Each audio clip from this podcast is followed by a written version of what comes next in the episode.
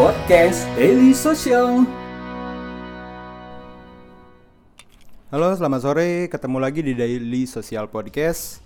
Eh, hari ini kita udah nginjak episode ke-27. Udah nggak kerasa ya. Lumayan banyak juga episode-episode yang eh, sudah eh, dibikin oleh Daily Social Podcast gitu. Nah, kebetulan hari ini Daily Social Podcast kedatangan tamu. Kebetulan kita syuting di studio di eh, kantor Daily Social sendiri. Hari ini kita kedatangan tamu Mbak Jessica dari Indo Giving. Halo Mbak Jessica. Halo, ini aku sebut sebutan daily sosial apa nih? DS aja, Pendengarnya. DS. Oh DS, oke. Eh, hari ini kita bakal ngebahas tentang eh, suatu bisnis yang mungkin lagi hype ya hari ini ya Mbak ya. ya. Eh, yaitu tentang crowdfunding gitu kan.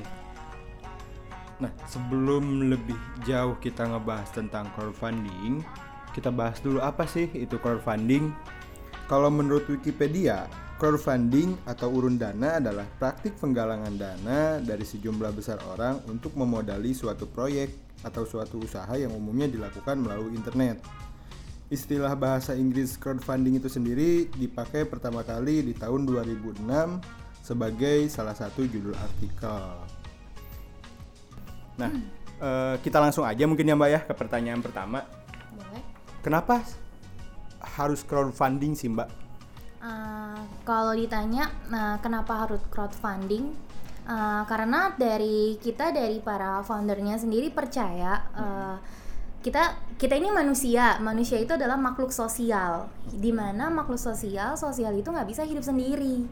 Sedangkan uh, pengertian crowdfunding itu adalah uh, banyak ya kan? Uh, jadi uh, kenapa kita memilih crowdfunding? Karena kita percaya uh, ki- manusia itu nggak bisa hidup sendiri sendiri dan kita percaya uh, dengan sat, uh, dengan kontribusi bersama-sama kita bisa menolong orang dengan ya lebih banyak. Gitu dibandingin kita sendiri gitu. Hmm. kalau sendiri ya kita cuma bisa nolongnya cuma beberapa orang. Oke. tapi kalau secara banyak Hmm. dengan secara crowd kita bisa nolong orang ya lebih dari satu Oke. Nah, dan dan banyak banyak dan lebih impactful Hmm. seperti itu Oke.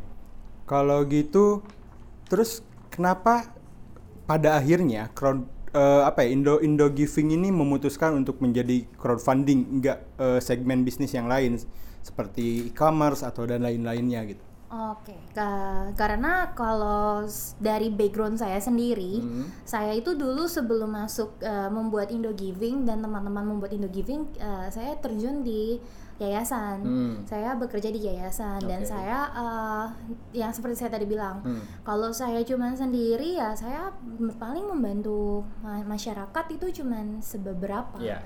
Nggak bisa semuanya saya jangkau. Oke. Sedangkan saya punya kegelisahan gimana Hmm. saya bisa eh, gimana kita sama-sama bisa membangun Indonesia yang jauh lebih baik gitu. Hmm. Gimana kita bisa membangun eh, orang-orang yang ada di luar sana, orang-orang yang ada di pelosok tapi yang nggak pernah terlihat mata, yang tak pernah nggak pernah terlihat publik, itu bisa kita bantu. Oke. Bagaimana caranya gitu. Nah, muncullah ide dengan crowdfunding gitu Hmm. ya. Beberapa juga kita eh, lihat eh, di negara-negara lain crowdfunding itu udah ya sudah hal yang lumrah buat mereka. Oke. Contoh-contohnya seperti negara Singapura, Malaysia gitu. Mereka mereka punya crowdfunding yang begitu hebat dan sangat impactful gitu dan kita eh, kita juga mau seperti itu. Berarti boleh dibilang ini bukan hanya mengikuti tren ya Mbak ya. Oh. Memang murni dari keinginan tim Indo Giving sendiri untuk menjadi sebuah wadah crowdfunding itu sendiri. Ya, Gitu. uh, bahkan uh, CEO kita, Hmm. uh, Indo Giving ini terdiri dari empat co-founder. Oke. Uh, yang pertama CEO kita uh, sudah memper sudah punya konsep ini tuh udah dari tujuh bahkan 7 sampai lima tahun yang lalu gitu. Oke. Uh, tapi baru terrealisasi uh, tahun kemarin 2000 Oke. uh, akhir 2018 gitu. Jadi uh, saya juga ikut sama beliau juga uh, cukup lama, Hmm. uh, jadi saya tahu perjalanannya seperti apa dan sama seperti visi dan callingnya uh, saya dan kita berempat ya muncullah Indo Giving. Oke. Eh, berarti crowdfundingnya Indo Giving ini memang murni dari keinginan para founder ya mbak ya, Iya, para betul. founder dan co-founder itu sendiri ya, Iya. karena memang eh, masing-masing dari co-founder ini mempunyai ba- eh, apa ya base eh, pengalaman tentang kesosialan gitu Iya. ya.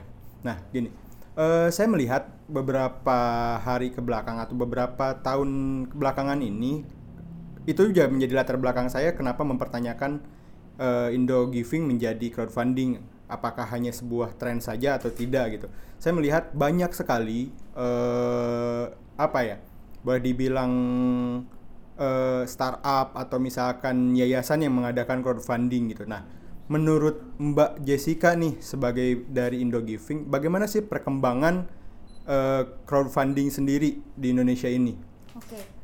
Eh, aku kalau nggak salah aku eh, dapat data dari eh, CAF. Mhm. Eh, aku lupa aku lupa kepanjangannya apa. Oke. Eh, di tahun 2018 Indonesia menduduki peringkat eh, kedua eh, untuk eh, aksi untuk bisa meluangkan waktu Hmm. kayak volunteering. Oke. Itu dia eh, sorry volunteering itu nomor satu Volunteering nomor satu. nomor satu. Tapi kalau untuk eh, menyisikan uang yang untuk berdonasi, Hmm. Indonesia masuk ke posisi nomor dua. Oke. Tapi pas kemarin eh, aku baca lagi eh, di tahun 2000 akhir 2018 Hmm. eh, riset itu keluar lagi. Hmm. Sekarang Indonesia menduduki posisi nomor satu Di. di dua-duanya, Oke. baik dana maupun volunteering. Oke. Itu dalam skala apa Gitu. Mbak? Dalam skala eh, eh, di per negara. Oke. Heeh. Karena kan yang kita eh, percaya ya, maksudnya Hmm. kayak eh, ada zakat juga Oke, gitu. Nah, iya. Indonesia menduduki posisi nomor satu. Nah, kalau ditanya perkembangan ekosistem eh, crowdfunding di Indonesia, aku percaya di ke depannya, di tahun-tahun berikutnya, bahkan tahun ini kan baru awal tahun, Hmm. bahkan di tahun ini pun eh, crowdfunding ini bakal impactful sih, bakal Oke. bakal besar dan ya sama-sama kita eh, sosialnya untuk saling berbagi, untuk saling memberi, bu- bukan cuma dalam bentuk uang tapi Hmm. tenaga itu sangat eh, besar sih. Sangat besar ya Mbak. Iya. Itu optimisnya optimismenya Mbak Jessica untuk crowdfunding di Indonesia gitu. Ya, karena aku percaya kayak contohnya aku boleh sebut ini ya. Boleh? Ya, contohnya di Malaysia. Eh, Hmm. Setahu aku di Hmm. Malaysia itu ada satu crowdfunding. Aku eh, ya nggak nggak nggak sebutin nggak hafal Eh, Malaysia itu punya hutang, Oke. hutang gitu kan. Eh, salah satu mereka untuk melunasi hutangnya masyarakatnya melakukan kegiatan crowdfunding. Oh ya? Iya. Tuh. Oke. Jadi Ah. crowdfunding itu tidak terbatas pada sosial ya Mbak ya? Eh, itu kan termasuk sosial juga. Itu kan Hmm. maksudnya kayak eh, kita bentuk apresiasi masyarakat Terhadap negara. terhadap negara. Oke. Seperti itu Nah. cara bantunya. Hmm. Jangan lupa subscribe di soundcloud.com podcast daily social. Oke, balik lagi nih masih ngebahas tentang crowdfunding, Mbak. Nah, sekarang menurut Mbak eh, Jessica karena yang saya tahu kan ada beberapa startup, salah satunya mungkin di Indonesia juga ada ya ini crowdfunding tentang pendanaan atau misalkan pengumpulan dana untuk para apa ya, untuk untuk memulai suatu bisnis gitu. Oke. Gitu. Eh, apakah menurut Mbak Jessica ini masih relevan atau sudah relevan di Indonesia? Eh, kalau menurut saya itu sangat relevan karena Hmm. Indo Giving sendiri juga bisa untuk modal usaha. Oh, Indo Giving pun Ya, bisa. salah satu Oke. kategori kita untuk modal usaha. Tapi apakah sudah relevan apa belum di Indonesia? Menurut saya itu masih kurang optimal. kurang optimal. Nah, uh, kurang uh, optimal karena uh, mungkin ya mu- mungkin ini karena transisi ya karena Hmm, dari di hmm. era digital dari konvensional ke digital gitu Oke, kan hmm. ini masih transisi dan Masih- salah ya berapa berapa puluh persen masyarakat uh, Indonesia, Indonesia. kan Masih uh, belum melek masih ya? yang belum melek digital Hmm, beda hmm. sama di luar gitu Hmm, hmm. tapi uh, kalau dibilang saya sendiri saya percaya uh, itu bisa untuk uh, menge- mengembangkan modal usaha karena itu salah satu uh, kategori di Indo Giving juga Hmm. Contohnya seperti ini, Eh, kita lihat waktu itu kita ketemu beberapa komunitas, Hmm. kita lihat mereka cerita, mereka sharing. Eh, ada satu kakek-kakek, mereka masih dorong, mereka tuh kayak ngambilin sampah, mereka ngambilin sampah. Eh, kakek-kakek ini umur udah hampir 60-70 tahun aku lupa Hmm. nggak ngumpulin sampah, tapi dia cuma ngumpulinnya subuh Oke. dari jam 3 sampai jam 5 subuh. Kar- Kenapa? Karena kalau dari pagi sampai siang, bahkan dari pagi sampai malam, itu udah tersaingi dengan anak-anak muda. Oh, oke. Nah, salah satu komunitas ini mereka bilang, "Eh, kita kasihan sama kakek ini. Hmm. Tapi apa yang mau kita kasih ke mereka? Apa cuma dapat uang gitu loh. Kalau uang berapa bulan tapi sudah habis. Hmm. Pasti kakek itu Ya. mulung lagi Mulung. gitu. Apa yang bisa diba- dibantu, apa yang bisa dibuat? Ya, mereka berinisiatif mereka untuk membangunkan membangunkan toko kelontong. Oke. Berarti kan eh, crowdfundingnya dibuat untuk modal usaha, Hmm. modal usaha si kakek. Nah, itu menurut aku itu sangat relevan Eh, gitu kan. Masih Dan- relevan ya mbak ya? Iya, dan itu sangat membantu untuk kakek terse kakek tersebut Oke. dibuatin toko kelontong dan eh, ya dia jualan di situ gitu kan. Oke. Jangan perlu dia sampai subuh-subuh karena kan udah umur 70 60 tahun mestinya mereka udah istirahat ya maksudnya Hmm. udah nggak perlu bekerja mulung do mulung itu kan pasti dorongin eh, gerobak gitu Hmm. kan seperti itu. Eh, tadi saya tertarik dengan obrolan Mbak Jessica yang bilang bahwasannya eh, relevan atau tidaknya crowdfunding Indonesia itu masih tentatif ya Mbak ya, karena memang masih banyak masyarakat Indonesia yang belum melek tentang teknologi gitu.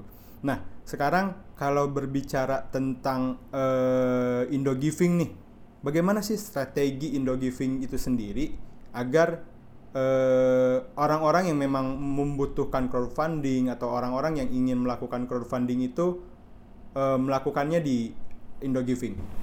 Oke, eh, strategi marketing yang kita lakukan, Hmm. hmm, aku sama tim kalau misalnya turun ke lapangan kita selalu bilang eh, Indo Giving ini nggak akan bisa hidup dengan kesendirian yang tadi aku di Ya, awal aku bilang. benar. Eh, Indo Giving ini ibarat tubuh, mereka tubuh itu pasti kan butuh tangan, Hmm. butuh kaki, butuh mata Ya. gitu dan kita selalu bilang eh, kita butuh bantuan dari para para komunitas tersebut Hmm. gitu itu strategi yang kita lakukan Uh, kita mengajak kita mengedukasi para komunitas Hmm. uh, karena komunitas ini kan uh, kayak contohnya tuh ada beberapa komunitas yang cabangnya tuh banyak Hmm. gak cuma di Jakarta tapi ada cabang di Bandung Hmm. di Surabaya gitu Ya. nah kita melakukan engagement uh, intens ke mereka Oke. untuk supaya uh, kita bisa dibantu sama mereka. Kita sama-sama bantu kita share visinya Indo Giving itu seperti apa Hmm. Uh, dan dan mereka uh, dan mereka ya selama yang kita ketemuin mereka uh, welcome gitu. Mereka mau membantu. Uh, untuk uh, strateginya sih uh, seperti itu. Sama beberapa kita juga uh, yang melakukan kegiatan-kegiatan offline atau enggak Hmm. kita strateginya ke media gitu Hmm. kan contohnya kayak uh, bangun bangun bangun hubungan sama media apa sih yang bisa kita kasih support untuk media untuk dari crowd- uh, sisi crowdfunding Hmm. seperti itu Oke. Berarti seperti itu. Berarti turun langsung ya, Mbak ya? iya kita turun langsung ke lapangan Nah, pembahasan makin seru. Masih penasaran kan tentang crowdfunding dan Indo Giving ini? Makanya tetap stay tune terus di Daily Social Podcast. Jangan lupa subscribe kita di SoundCloud dan di Spotify untuk terus mengikuti update terbaru dari Daily Social Podcast. See ya.